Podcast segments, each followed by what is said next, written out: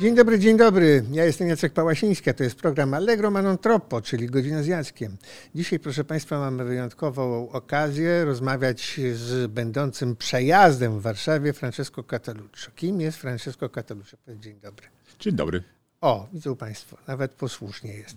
Francesco Cataluccio, proszę Państwa, to jest człowiek, któremu Polska naprawdę bardzo wiele zawdzięcza. Od co najmniej pół wieku zajmuje się Polską jako wydawca, jako autor. Jako wydawca jest y, no, niezwykle zasłużony. Jego dziełem są monumentalne wydawnictwa polskich pisarzy we Włoszech, ale nie tylko we Włoszech, bo na podstawie tych włoskich robione były w innych krajach Europy Zachodniej, y, między innymi w Hiszpanii. Y, dzieł Gombrowicza, dzieł Szulca, dzieł wielu innych polskich pisarzy. Oprócz tego jest sam pisarzem i pisze fantastyczne książki, naprawdę fantastyczne. Ja mam niestety po włosku, mam tę wadę, ale y, kilka z jego, y, z dziesięciu jego książek zostało wydanych po polsku, zwłaszcza jadę zobaczyć, czy tam jest lepiej. Jest po polsku. Jeżeli ktoś nie czytał, niech przeczyta. Proszę mi wierzyć, będziecie mi za to bardzo wdzięczni. Po polsku niestety nie jest wydana ta książka Pamięć Uficji, a Uficji to jest muzeum. Dlaczego? Przepraszam za ten przedługi wstęp, już idę do rozmowy, ale muszę Państwu przedstawić naszego dzisiejszego gościa, dlatego że on się urodził we Florencji, proszę Państwa. Florencja to jest takie miejsce specyficzne, jedyne na świecie obok Jerozolimy, gdzie około 20 tysięcy ludzi rocznie dostaje fioła. Przyjeżdżają i wobec tego natłoku piękna niesamowitego dostają tak zwanego syndromu Standala. Dlaczego syndromu Standala? Bo Standal to opisał w pustelni parmeńskiej, ludzie przestają wiedzieć, gdzie się znajdują, y, mają omdlewania, y, y, spadki ciśnienia i tak dalej. Tracą przytomność. Tracą przytomność często. I Francesco się właśnie tam urodził. I urodził się, miał takie szczęście, że urodził się w rodzinie, no inteligenckiej rodzinie, na Via Brunetto Latini, czyli nauczyciela Dantego. I jego tata prowadzał jego i jego brata, który jest dyrektorem Instytutu Kultury Włoskiej w Budapeszcie od kilkudziesięciu sekretarzem, lat. Sekretarzem. sekretarzem. Yy, tata prowadzał ich jako dzieci do Muzeum Uffizi. Stawiał ich przed tymi arcydziełami, absolutnymi arcydziełami ludzkiego geniuszu i tłumaczył im, wzbudzał ich zainteresowanie.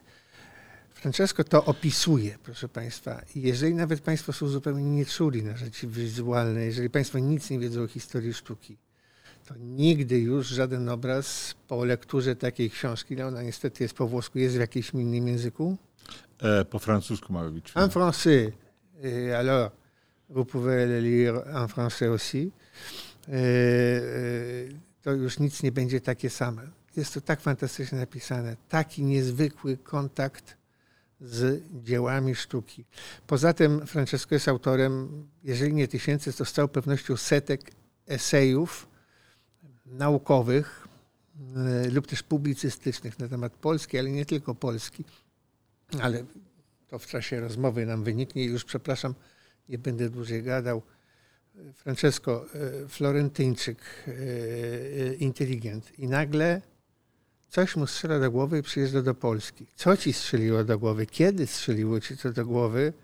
I dlaczego ci to do głowy strzeliło, żeby przyjechać do Polski i tu nagle stracić kawałek serca?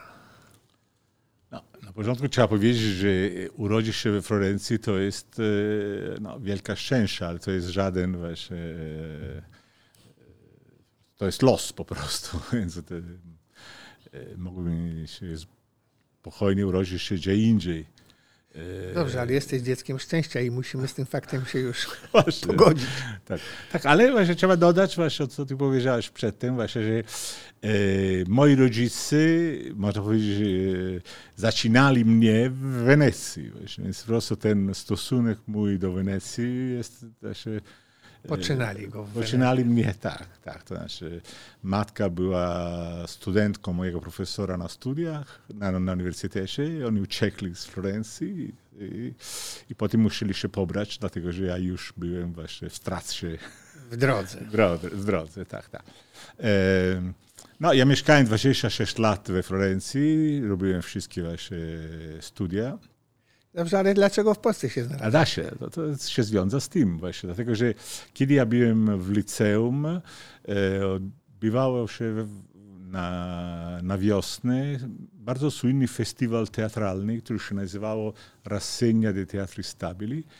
I Czyli przegląd teatrów stałych. Stałych, tak. I zapraszali różne teatry właśnie we Florencji. I, I były specjalne bilety ulgowe dla właśnie studentów licealnych. A ja się wybierałem właśnie z kolegami do tych przestawieniach i zawsze zauważyłem, że najciekawsze przestawienia to były właśnie Wajda, Szajna, potem Kantor, to były właśnie przestawienia e, polskie, właśnie teatry polskie. Więc nic ja nie wiedziałem właśnie w ogóle o Polsce, więc e, zaczynałem kupić książki, e, oczywiście po włosku, no, było właśnie trochę Gombrowicza. E, oczywiście dla mnie rewelacyjna książka e, była właśnie Sklepy cynamonowe Schulza. E, ja zawsze wspominam właśnie, że Hrabal, taki słynny Czech, pisarz czeski, powiedział, że kiedy on dostał od swojego znajomego pierwszą, pierwszą wydanie tłumaczenie na czeski sklepów cynamonowych. On to zaczynał czytać i po cztery zdania musiał wychodzić z domu, bo miał problemów z oddychaniem. Wtedy nie był COVID, ale była taka estetyczna po prostu e, e, sytuacja, która nie dawała mu właśnie taki szok estetyczny, który nie pozwoliła mu właśnie oddychać. I ja doskonale rozumiem, bo miałem coś podobnego. Znaczy, zaczynałem czytać Brona Schulza i no i to było coś niebywalnego w, w, tych czasach. Ja miałem 16 lat, tylko może muzyka rockowa dawała mi czasami takie właśnie e, przeżycie. Więc kiedy potem byłem na, na studiach, ja e, się zapisałem na filozofię i była taka dziwna sytuacja, dlatego że e, domagali na trzecim roku, żeby e, studenci mogli właśnie potwierdzić, że zdawali egzaminy języka obcego, w dwóch językach. A ja miałem napisać e, pracę o Berkeleya, angielski właśnie. Berkeleyu, tak. Berkeleyu, tak. Znałem bardzo dobrze angielskiego, bo moja mama była nauczycielką właśnie języka angielskiego, często byłem w Anglii i tak dalej. Bardzo rozsądne byłoby jako drugi język oczywiście e, nauczyć się niemieckiego, bo na filozofię i tak dalej. Ale miałem taki problem właśnie rodzinny, właśnie, że właśnie ta matka, kiedy słyszała ktoś, turyści i tak dalej, mówiący po niemiecku, zemdlała. To znaczy, z powodu właśnie, co się zdarzyło w okresie wojny, ona zostawiło jej taki właśnie problem właśnie, więc nie chciałem właśnie do mamy robić takie e, nie chciałem jej właśnie robić coś przykrego, więc myślałem właśnie, że no dobrze, będę właśnie się nauczył coś jako hobby, właśnie drugi język. Tak. I się zapisałem na polskiego. I miałem szczęście, że na pierwszym roku prawie byłem sam. Znaczy, nie było innych studentów. Kto cię uczył? No, to była pani, i, to znaczy ja nie chodziłem na wykłady literatury, bo ja, ja chodziłem tylko na rektoracie mm -hmm. języka. I była bardzo dobra pani, się nazywała Lidia Kacprzak, która właśnie akurat ten rok przyjechała do Florencji i no, miałem prawie korepetycje prywatne. Potem tam się okazało też, że to był potem w 1977 roku we Włoszech wybuchł taki duży ruch studenckich i były, uniwersytety były okupowane, były flagi czerwone i tak dalej. I biedna pani Kasprzak, kiedy widziała te flagi czerwone, bardzo się przestraszyła i powiedziała, że ona nie, w ogóle nie będzie E, wykładała właśnie tam właśnie na uniwersytecie i powiedziała, że ja musiałem właśnie do niej przyjść i, i zawsze ona miała się butelkę wódki na stole. Wow. Tak, myślę, że to była na wielka właśnie formuła, właśnie, że, że się rozmawiać i, i pijąc wódkę. No i po prostu to tak się zaczynało właśnie. I kiedy przyjechałeś po raz pierwszy do Polski? No właśnie w 78 roku przyjechałem tutaj pierwszy raz. Wtedy się poznałem też. I, ale miałem tak też właśnie taką dziwną historię, dlatego że dzień przed wjazdem do mnie przyszła dziewczyna, która studiowała na trzecim roku. To była Polka, która wymigrowała z Polski w 1968 roku i powiedziała mnie, że właśnie ona straciła ostatnio kontakty z swoją koleżanką, z którą właśnie ona skorespondowała właśnie e, od momentu, kiedy ona wymigrowała. I była trochę niepokojona, nie wiedziała, co się stało, więc po prostu prosiła mnie, żeby zabrał jakiś list dla niej. Oczywiście ja nie miałem nic przeciwko tego, zabrałem ten list i właśnie po trzech dniach, kiedy już byłem w Warszawie, kiedy się lądowałem, że że ta dziewczyna mieszka na Żoliborzu, więc brałem, kupiłem bilet tramwajem właśnie i odkryłem Żoliborz, który bardzo mi się podobała jako dzielnica. I właśnie puchałem na drzwiach tej pani, która oczywiście biła, ale bardzo przestraszona, otworzyła drzwi właśnie patrzyła na mnie ja wtedy nie mówiłem jeszcze po, angiel- po polsku, więc mówiłem po, po angielsku do niej, powiedziałem, że mam listy i tak dalej. Ona mi zaprosiła do domu. Dom był właściwie taka kawalerka właśnie. I, i tam na, tam był łóżko i nad łóżkiem leżał człowiekiem kompletnie bandażowanym, jak mumia egipska. Miał tylko oczy właśnie. Tak? byłem, tak, że to jest, jak powiedział właśnie Jarry, że Polska jest kraj właśnie taki surrealistyczny, ale tak właśnie na tyle surrealistyczny w ogóle nie wyobrażałem. A ten człowiek, który tam leżał i machał rękę właśnie, tak dalej, to był właśnie Mirek Chojecki, który właśnie wracając z Radomia, E, gdzie on właśnie robił wywiady z robotnikami, bo on prowadził właśnie, te, wydrukował ten, te biuletyn informacyjny, a został właśnie pobity przez milicję. I tam właśnie.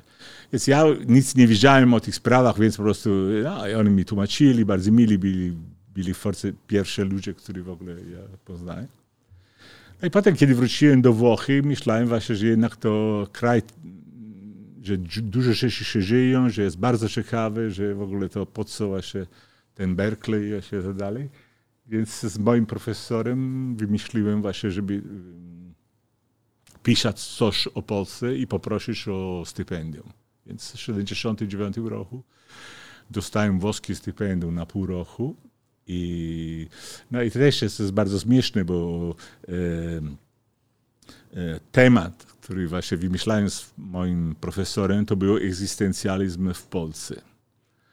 I miałem taką właśnie listę książek, którym musiałem właśnie jednak e, spróbować czytać. E, I poszedłem do biblioteki Instytutu Filozofii na e, Krakowskie Przedmieście i do dzisiejszego dnia pamiętam twarz tej biednej bibliotekarki, kiedy patrzyła na moją listę, zbladła kompletnie, powiedziała, proszę pana, niech pan czeka tutaj moment. I poszła sobie i wróciła po jakiś czas i powiedziała, pan dyrektor chce z panem porozmawiać. I tam siedział bardzo miły człowiek, który mi powiedział, czy pan doskonale wie, że to są wszystkie książki, które nie, nie, nie wolno czytać. Są e, książki właśnie autorów, którzy mieszkają zagranicznie albo są właśnie...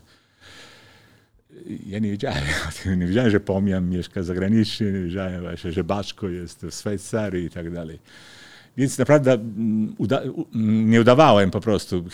On wierzył, że ja po prostu byłem zdziwiony właśnie tak dalej, więc po prostu powiedział, no, umówił się w ten sposób. Pan musi pisać swoją pracę, więc po prostu pan ma prawo czytać te książki, więc pan będzie dostawał raz na tydzień dwie książki, pod warunkiem, że pan nie będzie oczywiście te książki nikomu nie będzie pokazywał. No oczywiście miałem kolejkę przez, przed mojego domu, i Mirek i tak dalej, wykorzystali te książki i tak dalej, dużo osób to czytali. Potem właśnie napisałem właśnie tą pracę. Wróciłem e, do Włochy e, w maju, koniec maja 1980 roku. Wtedy ja właśnie e, należałem po prostu do partii komunistycznej włoskiej i ktoś właśnie prosił mnie, jaki raport, właśnie, co się dzieje w Polsce. Ja oczywiście napisałem, właśnie, że tu sytuacja jest bardzo skomplikowana, że nie ma nic w sklepach, że robotnicy są bardzo niezadowoleni itd. I oczywiście ten raport był odebrany w KC Partii Komunistycznej Włoskiej bardzo źle. Pajetta, który był taki przedstawiciel właśnie spraw, spraw zagranicznych, powiedział, że to wariat, nie wiadomo, widocznie ten facet pił cały czas, więc nie, nie, to jest za bardzo pesymistyczne i tak.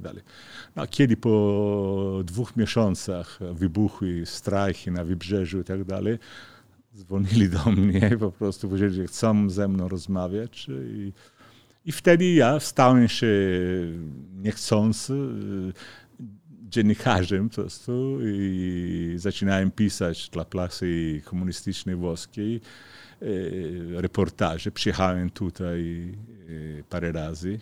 Oczywiście ja wszystkich znałem po prostu, więc dla mnie to było łatwo to opowiadać.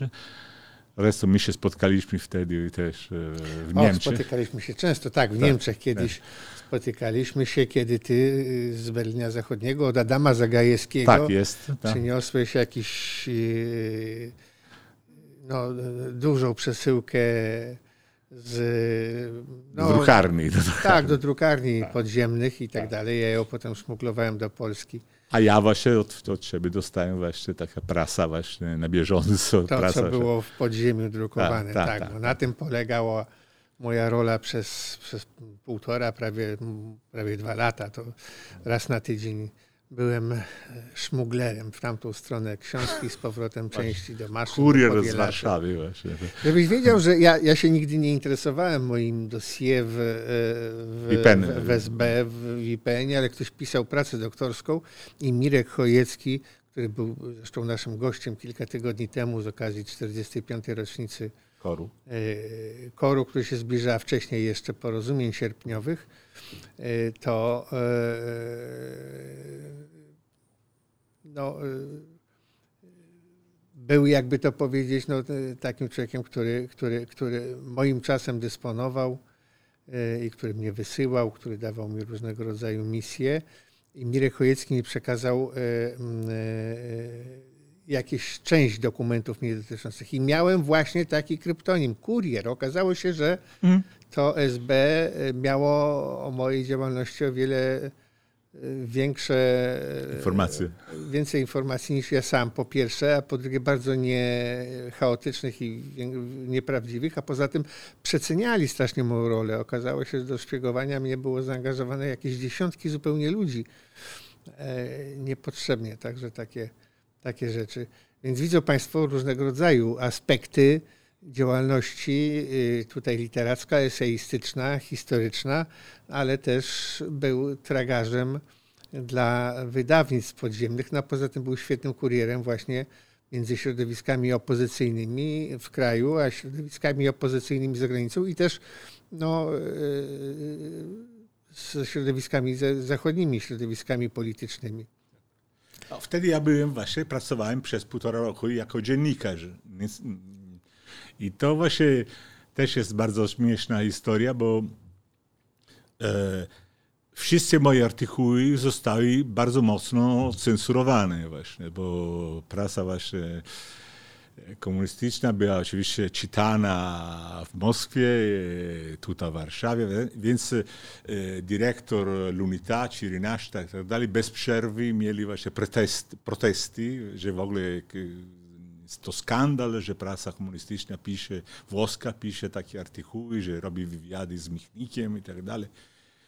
I, I wtedy właśnie oni właśnie, żeby trochę mieć spokój, wszystkie moje artykuły trochę właśnie ułagodnili i tak dalej. Więc to bardzo nie mi się podobało.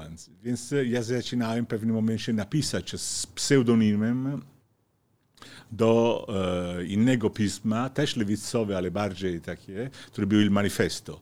Tam pracował taki Francuz polskiego pochodzenia, Karol się nazywał. KS Karol, KS tak. Karol. Mąż redaktor naczelnej, prawda, Rosandy, Rosandy. Rosandy, który właśnie pracował dla Nouvelle Observateur. I on właśnie też właśnie tam współpracował z nimi w manifesto i on właśnie pewnego dnia na jakieś spotkanie mi mówił, właśnie dlatego nie piszesz dla nas. Więc ja zaczynałem pisać dla nich, ale z pseudonimem. I był taki moment, kiedy właśnie wicedyrektor Lunita dzwonił do mnie i mi mówił właśnie, że jest dziennikarz z tego manifestu, który jest bardzo ostry, bardzo taki i trzeba w jakiś sposób właśnie no, wyjaśnić naszego punktu widzenia, jak wygląda sytuacja. Więc, więc ja wtedy napisałem... Zacząłeś pisać polemiki sam ze sobą. Sam, tak? sam ze sobą. No. Tak. I była właśnie biedna studentka, która właśnie jakieś 20 lat temu napisała w Bolonii prasę na temat lewica włoska i Solidarność, e, która właśnie nie orientowała się właśnie z tymi... Kiedy się dowiedziała, że ja właśnie jak w, e,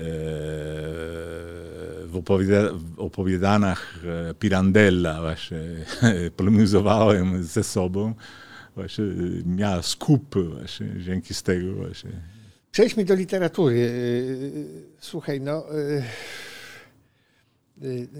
co cię tak zafascynowało w polskiej literaturze? Innymi słowy, co twoim zdaniem wyróżnia polską literaturę z literatury europejskiej, żeby nie powiedzieć światowej? Czy jest jakaś cecha charakterystyczna polskiej literatury, która jest odmienna, nie wiem, od czeskiej, od francuskiej, od włoskiej, hiszpańskiej?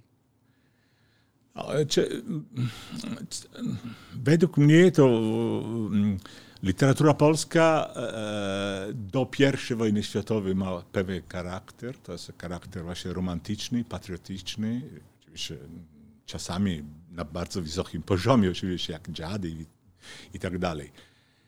Ale właśnie po I wojnie światowej, kiedy Polska wraca jako państwo nareszcie niezależne, no to i natychmiast można czuć wielka zmiana właśnie tego wszystkiego. I to jest jak po prostu kraj na, kraj, to znaczy artyści, pisarze i tak dalej, nareszcie mogą oddychać. Nie mają już o taki obowiązek społeczny, polityczny, że muszą właśnie zawsze opowiadać o biedny kraj, który jest potępiony. I tak A nie pisać ku pokrzepieniu serc.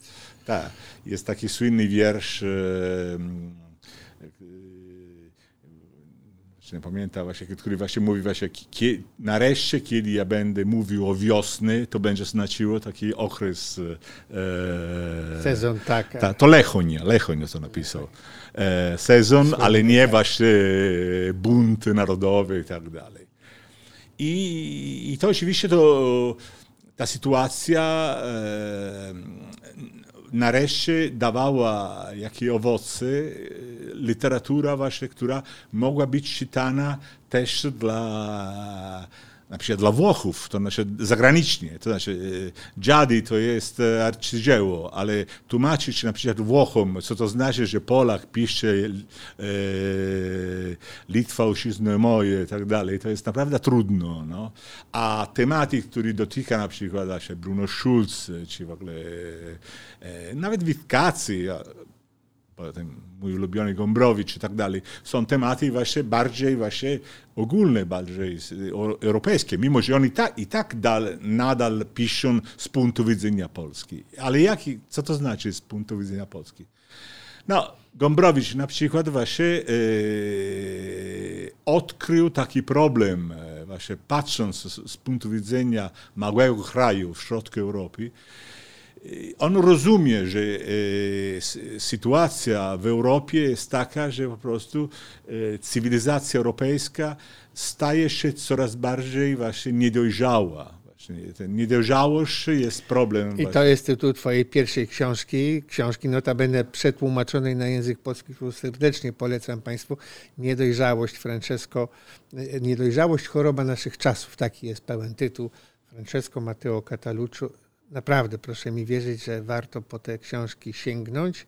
A trzecia książka przetłumaczona na polski obok tego Vado a vedere e, se meglio, czyli jadę zobaczyć, czy tam jest lepiej, a tam oznacza dla nas tu, e, to jest książka pod tytułem Czernobyl. Nie wiem, czy to jest szczęśliwe, szczęśliwy tytuł, bo oczywiście wychodząc od tej katastrofy w elektrowni atomowej w Czarnobylu, Francesco e, pisze o bardzo skomplikowanych stosunkach polsko-ukraińskich, polsko-żydowskich, żydowsko-ukraińskich. Innymi słowy, ten tygiel narodów, w którym kiedyś była Rzeczpospolita, zwłaszcza jej wschodnie kresy, jest dla Polaka tematyką nierozpoznaną do końca i, i, i punkt widzenia autora zagranicznego jest fenomenalny, odkrywczy, naprawdę. Bardzo wiele rzeczy się można stamtąd dowiedzieć i no, wyrobić sobie pogląd na te, na te sprawy skomplikowane i istotne, który na pewno będzie bardzo wzbogacał. Ale wracając, wracając do, do, tych, do tej polskiej literatury, powiedziałeś, że twoim ulubionym autorem jest Gombrowicz. Dlaczego wybrałeś właśnie Gombrowicza? No, bo oczywiście, kiedy byłem tutaj właśnie i napisałem swoją pracę o egzystencjalizmie w Polsce, o polemiki właśnie z marksistami w latach 50. i tak dalej. Pewnego dnia poznałem właśnie fenomenalnego profesora, który potem właśnie był też moim profesorem, kiedy byłem tutaj na studia doktoranckie między 83 roku i 86 roku. Wtedy e, byłem właśnie znowu tutaj przez 3 lata. I wtedy, ale wtedy poznałem na taką prezentację książki e, Krzysztof Juszczak, e, który niestety niedawno umarł. Genialny człowiek. Rzadko, rzadko spotykałem taki intelektualista, który miał takie tak wielki... Rozległą wiedzę. Tak, wiedzę interesów. Właśnie napisał, oczywiście on był historykiem sztuki z wykształcenia, a pisał, pisał o, o mit, mitach starogreckich, pisał o Virginia Woolf, pisał, pisał rozważania właśnie filozoficzne. Naprawdę pasjonujące wykłady on zrobił. I on żartując mi powiedział, a ta, pan, pan się zajmuje się egzystencjalizmem w Polsce, ale jedyny prawdziwy egzystencjalista to był Gombrowicz. No i wtedy ja się byłem trochę zdziwiony. Oczywiście yy, zaczynałem czytać Gombrowicza pod tym względem właśnie i rzeczywiście zauważyłem, że on trochę on był tak zawsze chciał, lubił takie prowokacje, ale kiedy już mieszkając we Francji pisał, ja jestem pierwszym egzystencjalista, że ja w ogóle, ja przed Sartre w ogóle e, te wszystkie tematy dotykałem, tylko że ja pisałem po polsku, więc nikogo nie zauważył. Nie, I rzeczywiście to jest, tylko że egzystencjalizm e, Gombrowicza to jest egzystencjalizm taki naprawdę nie tylko właśnie bardzo e, ciekawy z punktu widzenia literackiego. Znaczy, niewątpliwie e, Gombrowicz pisze dużo lepiej niż Sartre. E, ale też właśnie z punktu widzenia czysto filozoficznego, ja potem wydałem we znaku na przykład te jego wykłady o filozofii, wykłady filozoficzne. I to właśnie tam też można rozumieć, że, e, że jego właśnie egzystencjalizm jest przede wszystkim taki właśnie bardzo gorzki stosunek do życia, bardzo pesymistyczny, ale pesymistyczny nie właśnie w sensie paralizujący właśnie. Gombrowicz zawsze atakuje, jest taki niezbierny właśnie jest znakomity właśnie. I, I co ja bardziej właśnie oceniam nadal, e, jest fakt, że e, dla niego e, świat po prostu nie istnieje. Istnieją tylko właśnie nasze jak po prostu my organizujemy. Świat jest, nie istnieje, a jednocześnie jest chaos. Jedna chyba, jeden najlepszy jego książki się nazywa Kosmos. No?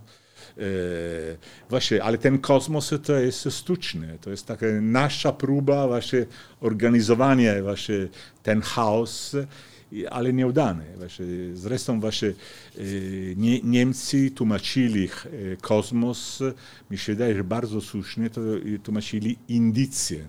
To znaczy jak albo właśnie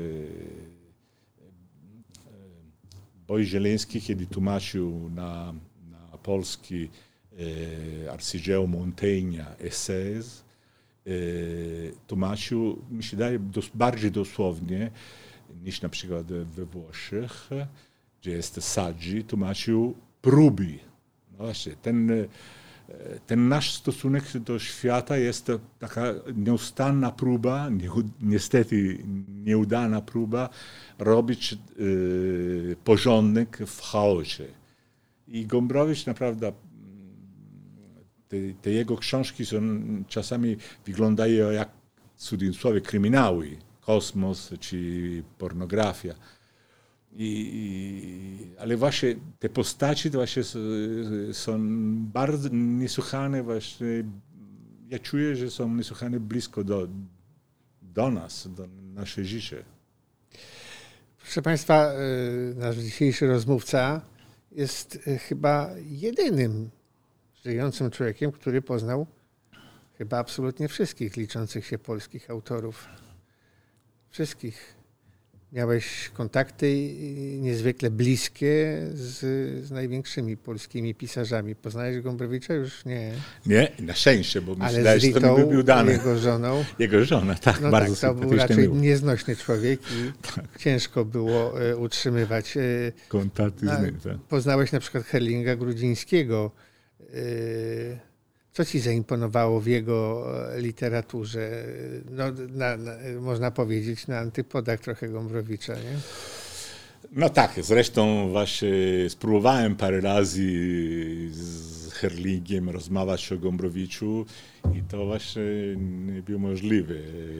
Herling oczywiście oceniał Gombrowicza, zresztą Gombrowicz też oceniał Herling, ale nie mieli żadnych kontaktów, mimo że oboje... Znaczy na początku tego, ale po, po, po, po pierwszym spotkaniu, czy po tym y, Herling już powiedział, że nie chce z tym bufonem, czy jak tak, on go tam tak. nazwał, rozmawiać. Tak. To znaczy jest dziwne, bo oni oboje współpracowali z kulturą no właśnie, paryską. Właśnie, właśnie. tak. Ale, ale unikali się wzajemnie. Unikali się i tylko kiedyś właśnie Herling mi opowiadał właśnie, że oni, on właśnie poznał Gombrowicza przed wojną właśnie, że e, był w gromie takich młodych, e, zafascynowanych Gombrowicza i pewnego dnia go rozmawiał z nim przed, otóż to, to był już chyba lipiec 1939 roku i Gombrowicz mu powiedział, słuchaj, trzeba uciekać stąd, tu, tu będzie tragedia, lepiej wymigrować i hodować biki. On miał już na myśli ta Argentyna.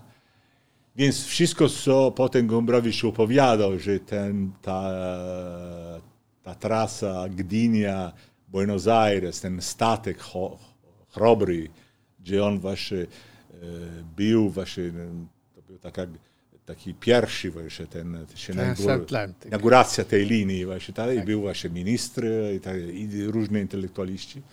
I że on zawsze opowiadał, że to był przypadek, że on się znalazł tam, to znaczy i potem, e, kiedy właśnie dopiero się pojawili w Buenos Aires, wybuchła wojna światowa i że on nawet pojechał do do ambasady w, w Buenos Aires, prosząc, żeby po prostu on mógł iść do wojska. I że w ogóle powiedzieli, że on nie, fizycznie nie to nadaje wszystko się. to, to jest kłamstwo, to nieprawda. On wierzył doskonale, że, że będzie został tam, że w ogóle... I dla Herlinga, który był człowiek e, dużych i mocnych i w ogóle nie... E, taki Tak, bardzo przek- graniczny też pryncypów. Tak, tak, bardzo. To był bardzo, taki rodzaj zdrajda właśnie i nie mogły przebaczyć Gombrowicza, że w ogóle to... I nie mogły przebaczyć Gombrowicza też, jak on opowiadał, mieszkając w Argentynie, e, wojna. No, e, pamiętajcie, że właśnie w pornografii dzieje się w okresie wojny. I ta, ten obraz wojny, który mi się wydaje jest bardzo trafny, bardzo ciekawy. Oczywiście, ale mo, może być e, drażliwy. Zresztą Gombrowicz dał sobie sprawę. Napisał właśnie taki nowy stempel do książki, powiedziałem, że słuchajcie, ja wszystko wymyśliłem, mieszkałem daleko, nie chcę t- taki, e, nie chcę nic powiedzieć nic złego przeciwko AK, przeciwko właśnie w ogóle co się działo, ta tragedia ogromna, która zdarzyła się w Polsce, ale jednak to właśnie e, ludzie jak Herling nie byli w stanie to przebaczyć, że A potem, y, wiele lat potem, z Ryszardem Kapuścińskim chodziłeś po Buenos Aires Tak. śladami. Gombro- Gombrowicza. Tak, tak. Co wam do głowy strzeliło? Kto był y, pomysłodawcą tej podróży do Buenos Aires śladami? Bo ja przez... czy, ty czy Kapuściński? No, właśnie, to, to różne. Ja przez 23 lata pracowałem w wydawnictwie, znaczy byłem wydawcą książki i pewnego, w pewnym momencie wydałem e, ja kiedy pra, zaczynałem pracować w wydawnictwie Feltrinelli, bardzo prestiżowe wydawnictwo włoskie, które właśnie tłumaczył, wydawał pierwszy raz e, w ogóle na świecie Pasternaka, do, doktor Żywago, e, Marqueza i tak dalej.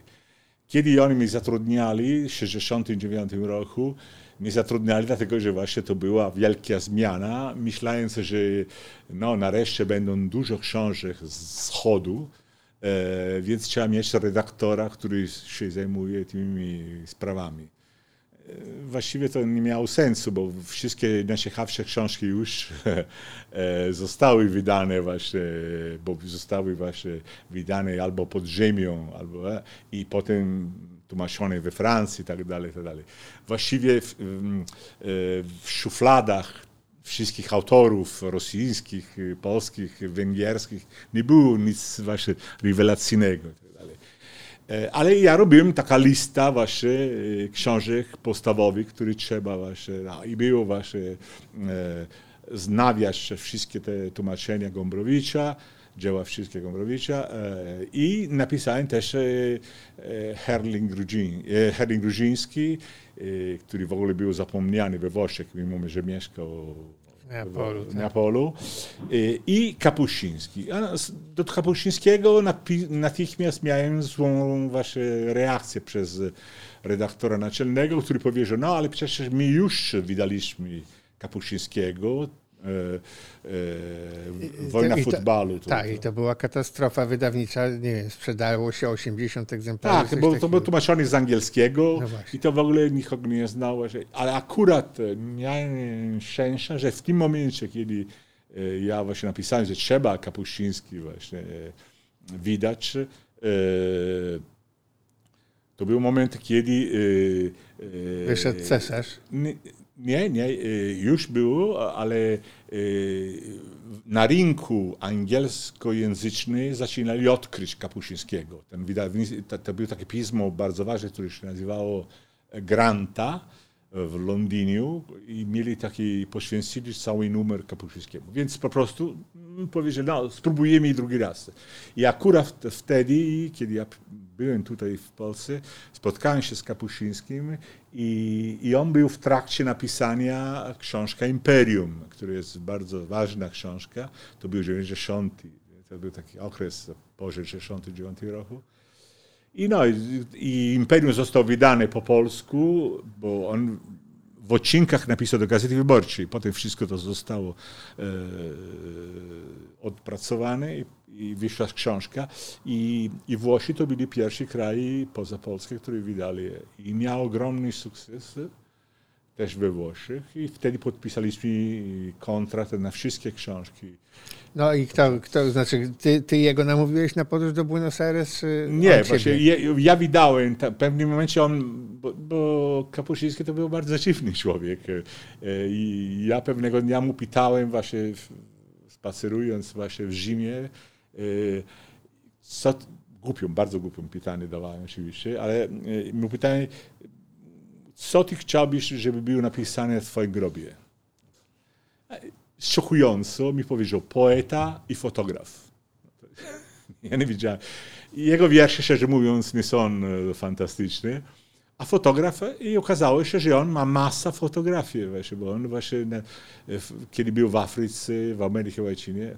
I, I wtedy się organizowała książka, która wyszła najpierw w Polsce i znowu potem we Włoszech.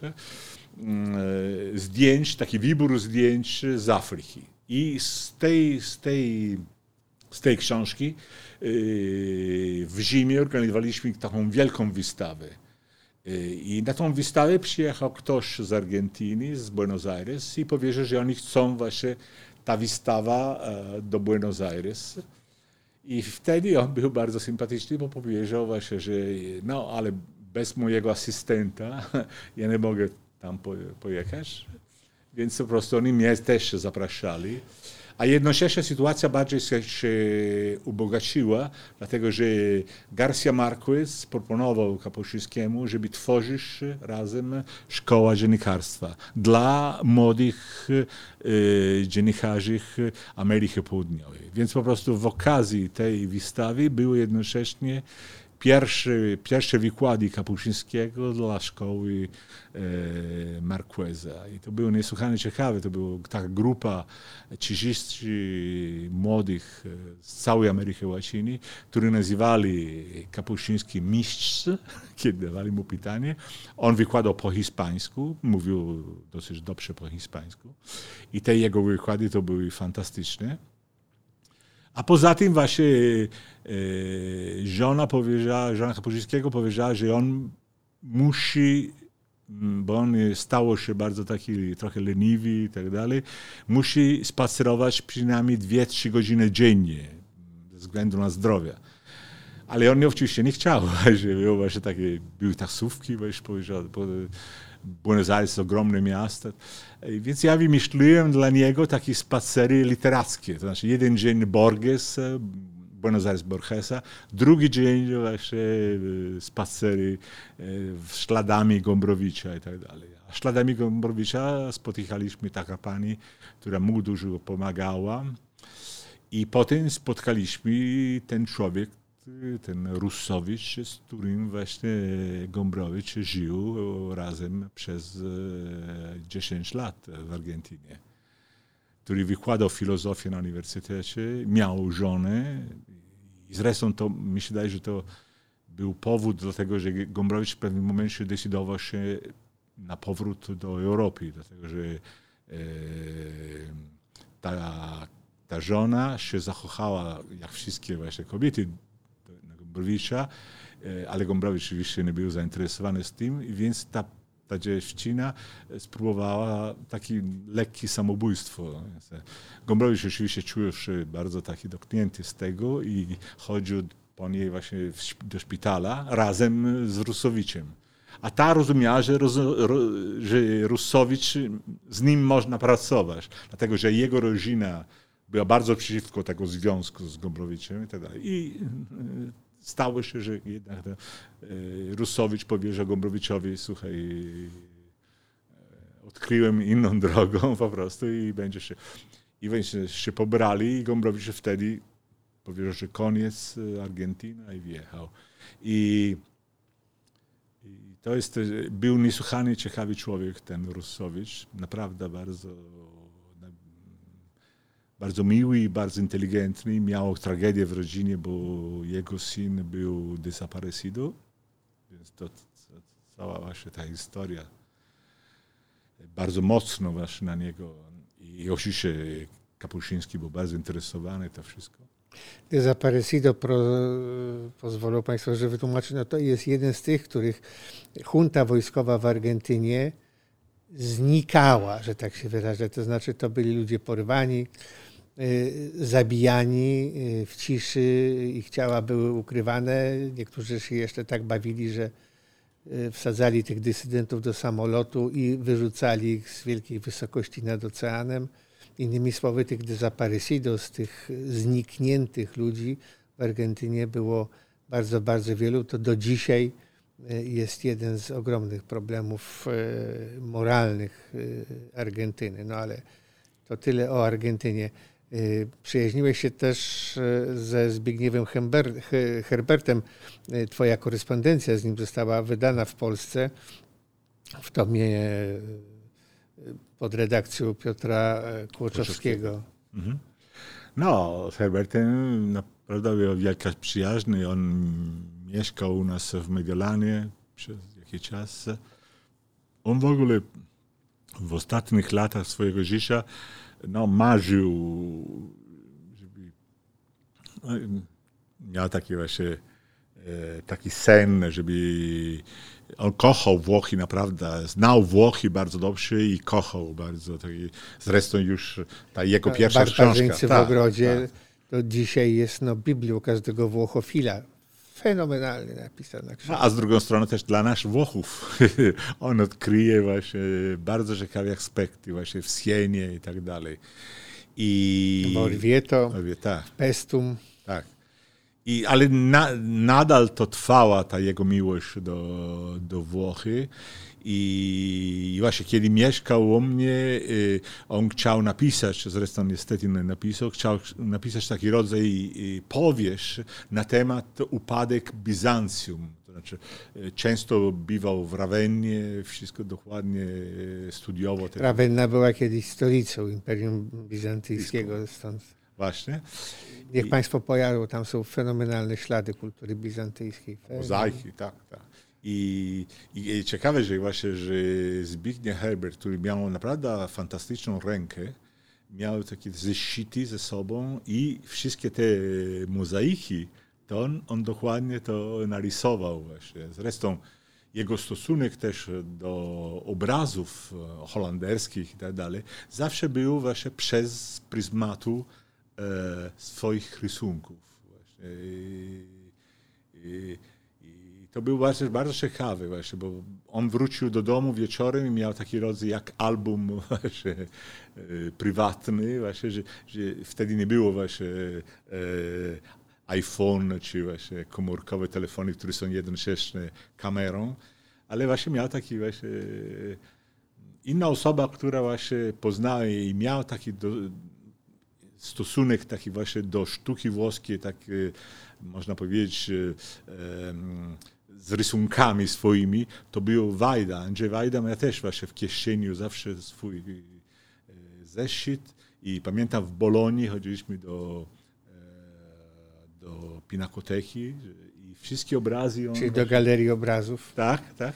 I zrobił właśnie każdy obraz, który jemu właśnie podobało, zrobił dokładnie. I to był właśnie, już to, to samo jak u Herberta. To, była, to nie były rysunki właśnie e, dosłownie, to była interpretacja. Już tam była interpretacja. Tam było widać, że, że ten anioł, który właściwie tam jest e, drugorzędny, stał się na przykład ogromny. No? Dlatego, że właśnie widocznie i dla Herberta albo dla Andrzeja Wajdy właśnie to właśnie były, były właśnie co trzeba unotować. To jest bardzo mi się Wspominasz swoje spotkania z wieloma e, polskimi pisarzami, w tym e, z Wisławą Szymborską, z Czesławem Miłoszem. A dziwi mnie, dlaczego nie wspominasz spotkań z Kazimierzem Brandysem, którego ja uważam za wielkiego polskiego pisarza. Czy jakoś nie, nie zainteresował cię, nie przemówił? Nie, nie, nie. Ja bardzo oceniam Brandisa, tylko nie miałem nigdy okazji go spotkać. A. E, zresztą właśnie on e, po włosku... Myślałem, się dość przyjaźnił z Adamem Michnikiem. E, wyście... Nie, ale nigdy nie miałem. Nie, nie, miałeś, nie, nie, nie, ani w, Paryżu, w Paryżu. Tutaj... No tak, Sandro Ferri wydawał bez większego powodzenia niestety książki Grenada, Grenada tak. obrona Grenady, potem ten e, wydali Samson też. Zdaje się listy do pani Z też wyszły. Tak, też. Wariacje pocztowe. Tak, tak. Nie, oni, właśnie, może dlatego, że inne wydawnictwo właśnie to się zajmował właśnie. No tak, ale ten... pamiętam, że to były rzeczywiście po kilkaset egzemplarzy się sprzedawało, a to były książki, które zasługiwały na Nobla moim zdaniem. A właśnie, czy jest jakiś pisarz polski, który powinien twoim zdaniem był dostać Nobla, a nie dostał? A tam Zagajewski Wszyscy, się którzy nie dostali. Nie odpowiadaj mi. No, Zagajewski się zapowiadał, tak, ale no, niewątpliwie Herbert. Herbert jemu się no, dostał najpierw Miłosz, potem dostał Szymborski, oczywiście oboje bardzo zasłużenie, zasłużenie tak. i tak dalej. No, ale jeżeli trzeci miał być Mm, do, miałby dostać. No to powiedz mi, czy się zestarzałeś, czy zgniuśniałeś, dlaczego trzeciej polskiej noblistki, yy, czyli Olgi Tokarczuk, jeszcze nie poznałeś, nie wydałeś, nie... Nie, ja poznałem e, Olgę. Poznałem we, we Włoszech, kiedy przyjechała. Nawet e, byłem prezentowany jej książki, właśnie te bieguny. Ja bardzo ją oceniam. Teraz ma być wydane po włosku ten, ta jego wielka książka. Księgi Jakubowe. Księgi Jakubowe, tak. A już chyba wyszły, nie? Nie, nie jeszcze nie, nie wyszły. No, bo to jest piechelna praca. Jest, ja zresztą pytali mnie właśnie o opinię z wydawnictwa tej książki. Ja powiedziałem, że bardzo dobra książka, domagająca dużo na przykład przepisów. To, to jest problem właśnie często właśnie. No niestety tak, tak. W tłumaczeniach z polskiego, polska specyfika jest taka, yy, tłumaczyłeś yy, Stanisława Jerzego Leca, tłumaczyłeś e, Bronisława Geremka, z którym też miałeś e, doskonałe stosunki, dużo zażyłości, jak ci szła praca. No, Leca przetłumaczyć nie jest łatwo, to wymaga... Ja nie tłumaczyłem Le Leca, ja na, na, napisałem wstęp do wydania A, francuskiego. Nawet, A kto tłumaczył tak z ciekawości? Markezani. A, Pietro Markezani. I był właśnie wstęp, to, to jest bardzo bardzo pomagał, bo pierwsze wydanie Leca, który według mnie jest stragenialnym tak, pisarzem, tak. i myślicielem właśnie, napisał Umberto Eco. Piłeś z hrabalem piwo w Pradze. Tak, tak, udało mi się to... E, Co pamiętasz? I wtedy, no właśnie, bo wtedy yy, on, on mi opowiadał tą właśnie tą historię z Bruno Schulza właśnie. I w ogóle zauważyłem, że też z inną osobą, która z Polski była tam, on pytał natychmiast właśnie, co pan sądzi o Bruno, Bruno Schulz. To był właśnie jakiś rodzaj kluczy. A Bruno Schulz, co, więc ja, ja dużo właśnie pisałem o Gombrowiczu. Myślę, że no, jeżeli miałbym czasu, mógłbym napisać właśnie taki, zbierając te wszystkie rzeczy, które ja napisałem, mógłbym napisać książkę, ale ja nigdy nie miałem ambicji akademickie, więc po prostu napisać książkę tak, tego typu, wykorzystać e, raz, e, rok lub dwa, napisając taką właśnie biografię, interpretację, to, to, to nie bardzo, nie mam czasu. Nie ma.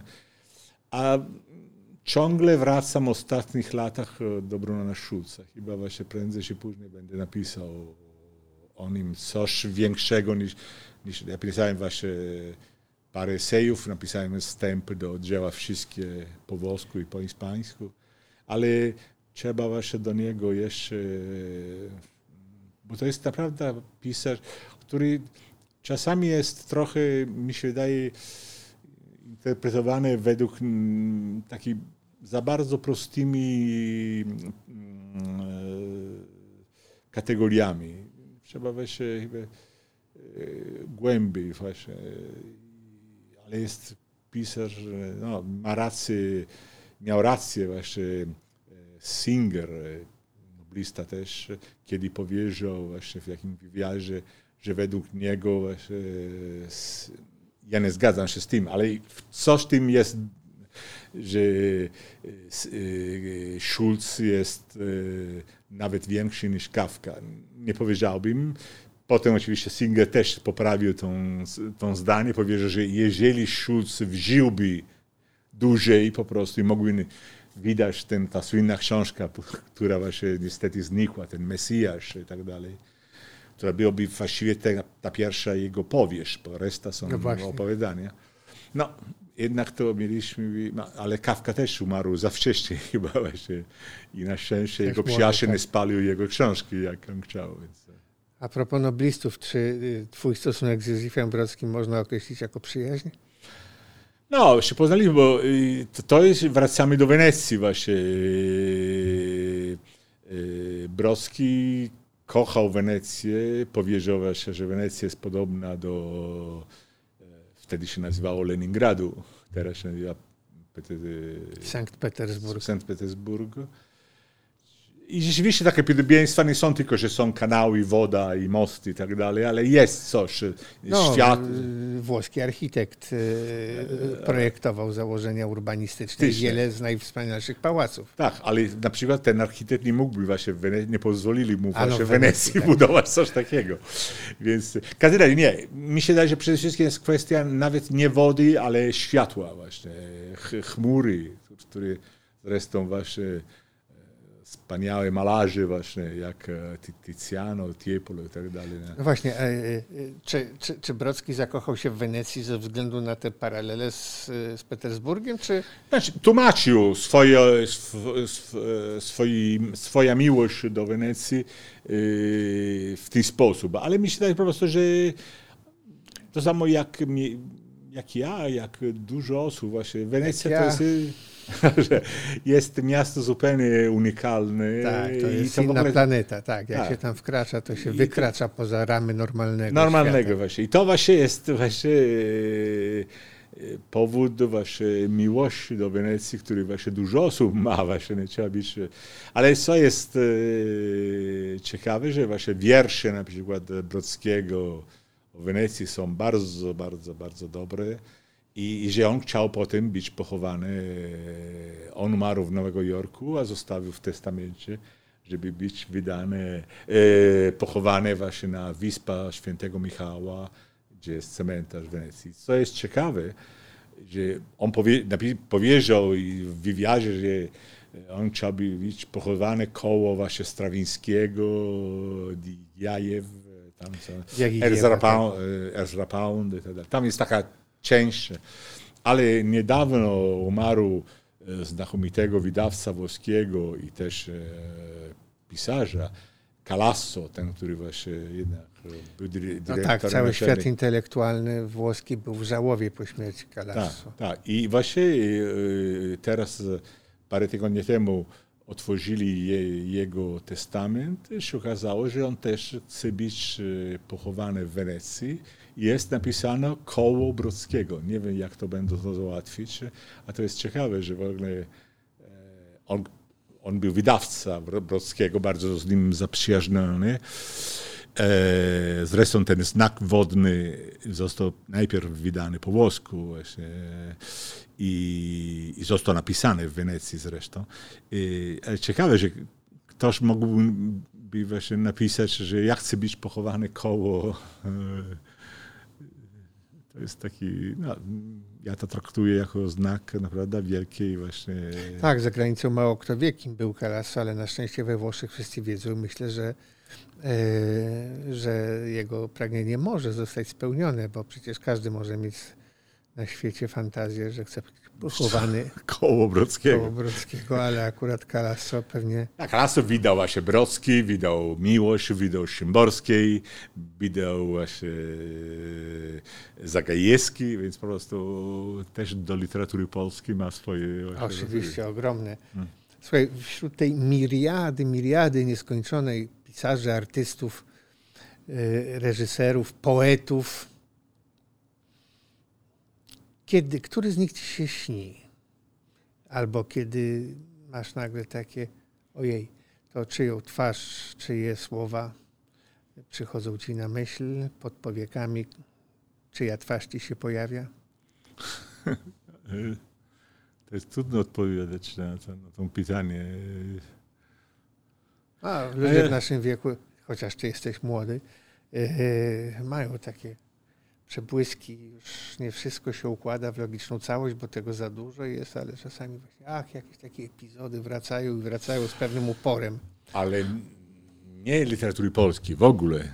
Ogólnie No tutaj by mnie interesował nasz wobec- krąg. e, No wiesz, ja, ja znam na pamięć y, sporo właśnie y, tekstów Leca na przykład. Często mi wraca do głowy właśnie. Nie, nie, nie myślę, żebyś cytował kogoś. No nie, nie, nie. czy- Który z tych pisarzy, e, No, to właśnie te myśli nieosiesane. Jan to- Kot, Marek Edelman, e, Szymborska, Miłosz, e, Herbert, Paweł Herz, no, Paweł Huelle, to wszystko ludzie, z który, którzy no, jakiś wpływ na twoje życie mieli. No to, A, na pewno, na pewno. No nie, w ogóle y, bez Polski moje życie byłoby zupełnie inaczej. I w ogóle mój sposób myślenia, to jestem wdzięczny do, do tych wszystkich.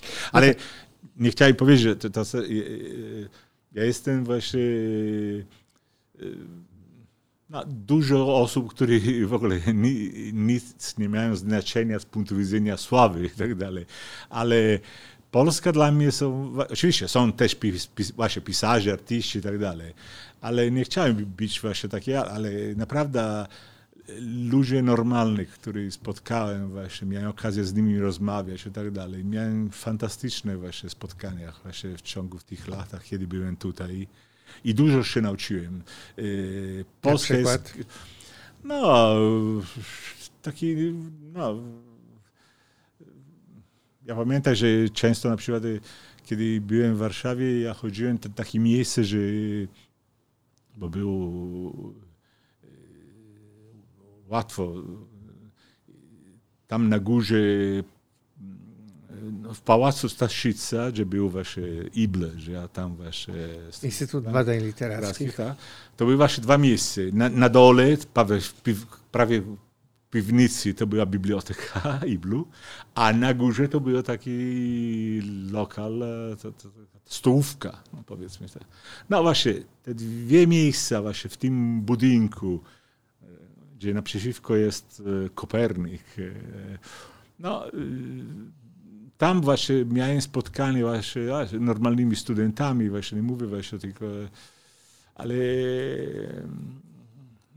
rozmowy niesłychanie dla mnie ważne, ale jednocześnie też właśnie w porządkach, na przykład e, albo właśnie w tramwaju, bo często właśnie te, te podróże właśnie trwały, więc po prostu kiedy ludzie się dowiedzieli, że jestem Włochem, w ogóle, że jestem zagraniczny, to były okresy, gdzie było mało osób zagranicznych i tak dalej. Oczywiście byli zaciekawieni właśnie, że po, potem właśnie fakty, że trochę mówiłem po polsku i tak dalej. I mi opowiadali swoje życie i tak dalej. To, takie właśnie wydarzeniach, takie doświadczeniach e, nie, nie miałem takiej właśnie we Włoszech. Może dlatego, że właśnie dla mnie to było normalne właśnie mieszkając we Włoszech. No grubo ponad 40 lat przyjeżdżasz do Polski, y, do Warszawy. Czy y, pamiętasz jeszcze tę y, szarą, niezbyt ładnie pachnącą, mocno jeszcze zrujnowaną, chaotyczną Warszawę? Czy ta ewolucja jest taka trochę jak własnego dziecka, że człowiek nie dostrzega Ja. Jego rozwoju? Czy jest coś takiego, że jak za każdym razem wracasz, to cię coś nowego zaskakuje, jak bardzo to miasto się zmieniło? A na pewno. kraj. Na pewno, ale no, y, ja w pierwszych latach, kiedy przyjeżdżałem do Warszawy, do, do Polski, to był jak, trochę jak skok w czasie. To znaczy ten samolot to, to była jak maszyna, która mnie zabiera w latach 50. No. y, Ale było, dla mnie to nie było właśnie ani smutno, ani właśnie, to było bardzo ciekawe właśnie. Może dlatego, że ja w ogóle się urodziłem właśnie prawie na końcu latach 50., więc ja nie wiedziałem, ale na przykład w tych, tych filmach e, neorealizmu właśnie włoskiego, biało-czarne i tak dalej, jednak właśnie ta Polska trochę mi wtedy e, wspominała, i, ale ba, dla mnie to było bardzo fascynujące to właśnie. Oczywiście te miasta się bardzo się zmieniają, ale ten ja kocham bardzo Warszawę. Moi wszystkie znajomi w Krakowie się, się denerwują, tak powiem. Ale naprawdę właśnie dla mnie istnieje Florencja, gdzie się urodziłem po prostu. Wenecja, że kiedy tylko mogę uciekam. I Warszawa, to są te trzy, mieszkam od 35 lat w Mediolanie żyje dobrze. Nie, no, ale... dłużej chyba mieszkasz w Mediolanie. No, tak, chyba nawet dłużej. Skróciłem. ale Mediolan dobrze się żyje. Mi się wydaje, że to jest miasto, że... To tak, ale to jest jedyne miasto kompletnie niewłoskie we Włoszech. Tak, to, ale nigdy właśnie nie, mnie nie czuję się Mediolańczykiem właśnie, no, do tego miasta nie ma. Ale są te no, trzy masz miasta... bardzo silny akcent y, toskański, przeuroczy, proszę Państwa, akcent toskański. No, y, który czy, czy, natychmiast jest rozpoznawalny jako tak. Florentyńczyk. Tak, tak, tak. Ale też do Florencji właśnie teraz coraz częściej wracam po prostu. E, nie mam już mieszkania, bo przydałem właśnie po rodziców. No, oczywiście niesłychanie kocham Florencję, ale to znaczy, że ja przede wszystkim kocham moich latach młodości. No. E, ale no, ale obiektywnie Uffizi i tak dalej są znakomite miejsca. Ale nie wróciłbym mieszkać do Florencji. Zbyt prowincjonalna? No tak, to jest daleko. To jest taka stara miłość, która się skończyła. I wow. po prostu wracasz do starej, starej, starej miłości, nie ma sensu. Dobrze, a gdybyś dzisiaj miał pisać znowu artykuły o Polsce, to jak byś pisał? No, musiałbym właśnie, bo teraz e, ja nie byłem tutaj od kto by, cię tym, kto by cię tym razem cenzurował? nie mam nikogo. Ja, ja Ale potrzeba by było cenzurować, czy... Nie, ale właśnie musiałbym właśnie, żeby napisać coś sensownego, musiałbym teraz siedzieć tutaj e, trochę więcej niż parę dni właśnie. No właśnie ja nie... zawsze dziennikarzom właśnie, którzy przyjechali tutaj, który niestety nasze dziennikarze ma, mało rozumieją właśnie, co się dzieje tutaj w Polsce. Już mają swoje kategorie, przyjeżdżają tutaj, używają te kategorie. Jeżeli te, te kategorie nie sprawdzają... To tym gorzej jedno, dla kategorii. Tak, tak. Jedno, tak. E, ale ja zawsze właśnie radziłem taki, taka podróż do, e, do Lublina. Lublin jednak to jest blisko w końcu do Warszawy. No teraz mamy autostradę, jesteś w... Nie, ale pociągiem. pociągiem bo ta linia przynajmniej właśnie, kiedy ja to powiedziałem, to była taka bardzo powoli właśnie tempo. Ale to, to znowu było wtedy taki skok w czasie. Lublin jest już wschód. No. E, Warszawa to, to, już jest miasto właśnie europejskie, jak Paryż, jak Londyn i tak dalej. A Lublin byłem właśnie 4 e, lata temu, byłem w Lublinie, miasto, które bardzo kocham Lublin. Ale tam właśnie jednak jest inna Polska. No. To samo jak Wrocław jest też inna Polska, no. czy Gdańsk, czy Poznań. Ale właśnie to są bardziej zachodnie, zachodnie. ale ten wschód, ta Polska e, chyba, jaki wyobraża na podstawie właśnie obrazów czy literatury, ta Polska właśnie w latach dwudziestych i tak dalej można mi się dać, że je się złapać w Lublinie. No, Lublin się też bardzo zmienił w ostatnich czasach i jest już naprawdę miastem, sobie. miastem no, bardzo szybko się rozwijającym. Może nie tyle intelektualnie, chociaż tam też oczywiście bardzo ciekawe ośrodki myśli były i, i są i dalej się pojawiają, no ale jeśli chodzi o wybory polityczne mieszkańców Lublina, to można by było dużo dyskutować. Francesco, wszystkim moim rozmówcom na koniec zadaję pytanie, więc tobie też je zadam. Yy, I tobie być może będzie łatwiej odpowiedzieć jako obserwatorowi z zewnątrz na to pytanie. Jak yy, widzisz przyszłość Polski w najbliższej perspektywie? Czy yy, jak to się wszystko skończy, to co się w Polsce dzieje, w kontekście tego, co się dzieje na świecie, a dzieje się bardzo, bardzo dużo i nie wiadomo, w którym kierunku to pójdzie. No, ja mam naprawdę, na, szczerze mówiąc, właśnie dużo problemów powiedzieć, jak będą Włochy w przyszłości, więc ten kraj, gdzie żyje i tak dalej. Więc tym bardziej właśnie to, co będzie w, w Europie, właśnie, co będzie w Polsce, naprawdę ja, ja widzę ogólnie taki upadek cywilizacji zachodniej. Wszystko, nawet co się stało bardzo daleko, niedawno właśnie w, w Afganistanie i tak dalej, zachowanie Amerykanów tam i tak dalej.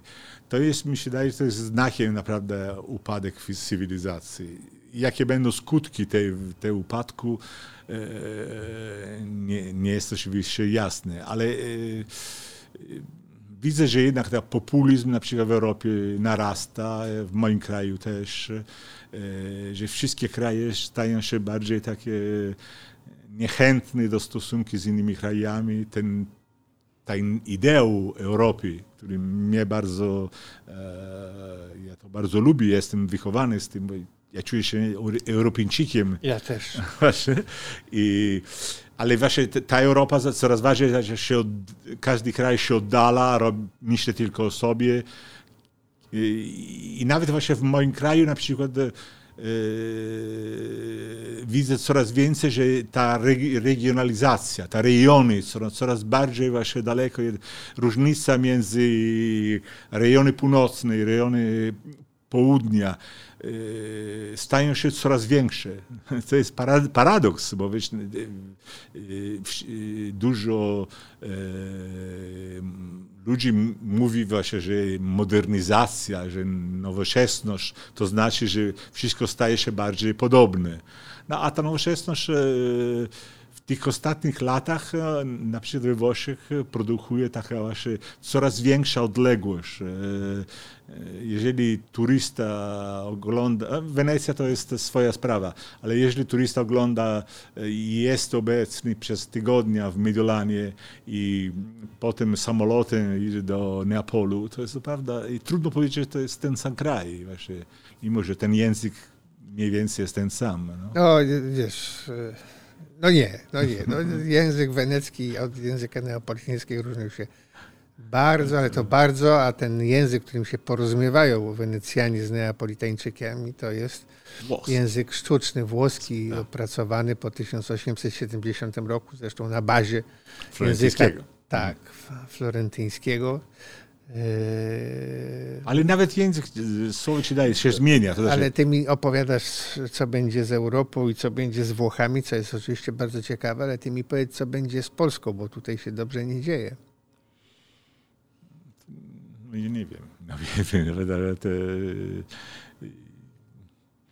Mam nadzieję, że Polska nie będzie się oddalała z Europy bardziej. Właśnie są oczywiście takie siły, które tym kierunku działają po prostu. Europa też, e, trzeba powiedzieć, że robi swoje błędy, bo to Europa nie jest ta, ideałem po prostu. Robi się często błędy, nie istnieje w ogóle to ta pojęcia Europy e, czasami jest bardzo abstrakcyjna. Europa nie, nie, ma swoje wojsko, Europa nie ma swoje podatki ogólne, Europa, ten parlament europejski nie funkcjonuje jak prawdziwy parlament, bo właśnie jeżeli jakaś pewna ustawa e, pewnego kraju nie lubi, to może spokojnie nie akceptować, więc co, co za Unię jest to, to jest tylko fikcja właśnie, to jest taki, no pewne, pe, pe, pewne właśnie y, kroki się zrobiło, ale y, dużo nieporozumień i teraz jest ten problem właśnie, który jest, Włosi już od dawna mają ten problem, ale problem staje się naprawdę coraz większy i może być bardzo niebezpieczny. To jest problem od emigrantów. No na byłej Jugosławii, czekając właśnie w, w obozach strasznych, w strasznych warunkach właśnie e, tysiące właśnie Afganów i będą kolejne i tak. W jeszcze gorszych warunkach są uchodźcy na granicy polsko-białoruskiej. No Oni umierają. Dzisiaj kolejny no. umarł, dlatego no że tak. jacyś źli ludzie położyli drut kolczasty spór jest z władzami kraju sąsiedniego, ale ofiarami mhm. śmiertelnymi są nieszczęśliwi ludzie, którzy no tak. uciekają, uciekają. Ale ile osób umiera właśnie nad morzem, uciekając z Libii, uciekając... No tak, tak. Kąpiel w Morzu Śródziemnym. E, Stało się właśnie cementem. Musi być, e, tak. Więc jest trudno powiedzieć, tego, że... Trudno odpowiadać. No kilka tysięcy ludzi rocznie tam e, umiera, ginie, topi się z tego powodu właśnie, że poszukują lepszego życia. No dobrze, proszę Państwa, nie dowiemy się e, od Francesco, jaka jego zdaniem będzie przyszłość Polski. On nie wie, nikt z nas nie wie. Na waszą szczęście. Liczyłem, że jakąś hipotezę przynajmniej postawi, ale nie postawił. Bardzo Państwu dziękuję za uwagę, za oglądanie tego odcinka. Naszym gościem był Francesco Matteo Cataluccio, e, pisarz, eseista, niezwykle płodny i niezwykle głęboki. E, pisarz uroczy, naprawdę polecam Państwu książki. Niestety mam je po e, włosku, ale są co najmniej trzy jego książki wydane po, pols po polsku i naprawdę je Państwu polecam. No i przede wszystkim y, sprawca i wydawca no, monumentalnych y, właśnie edycji dzieł największych polskich pisarzy za granicą. Dziękuję bardzo, Francesco. Dziękuję bardzo. Dziękuję bardzo, pan, dziękuję bardzo Państwu. Zapraszam na kolejne odcinki Allegro Manontropo na portalu na temat.pl. Do widzenia.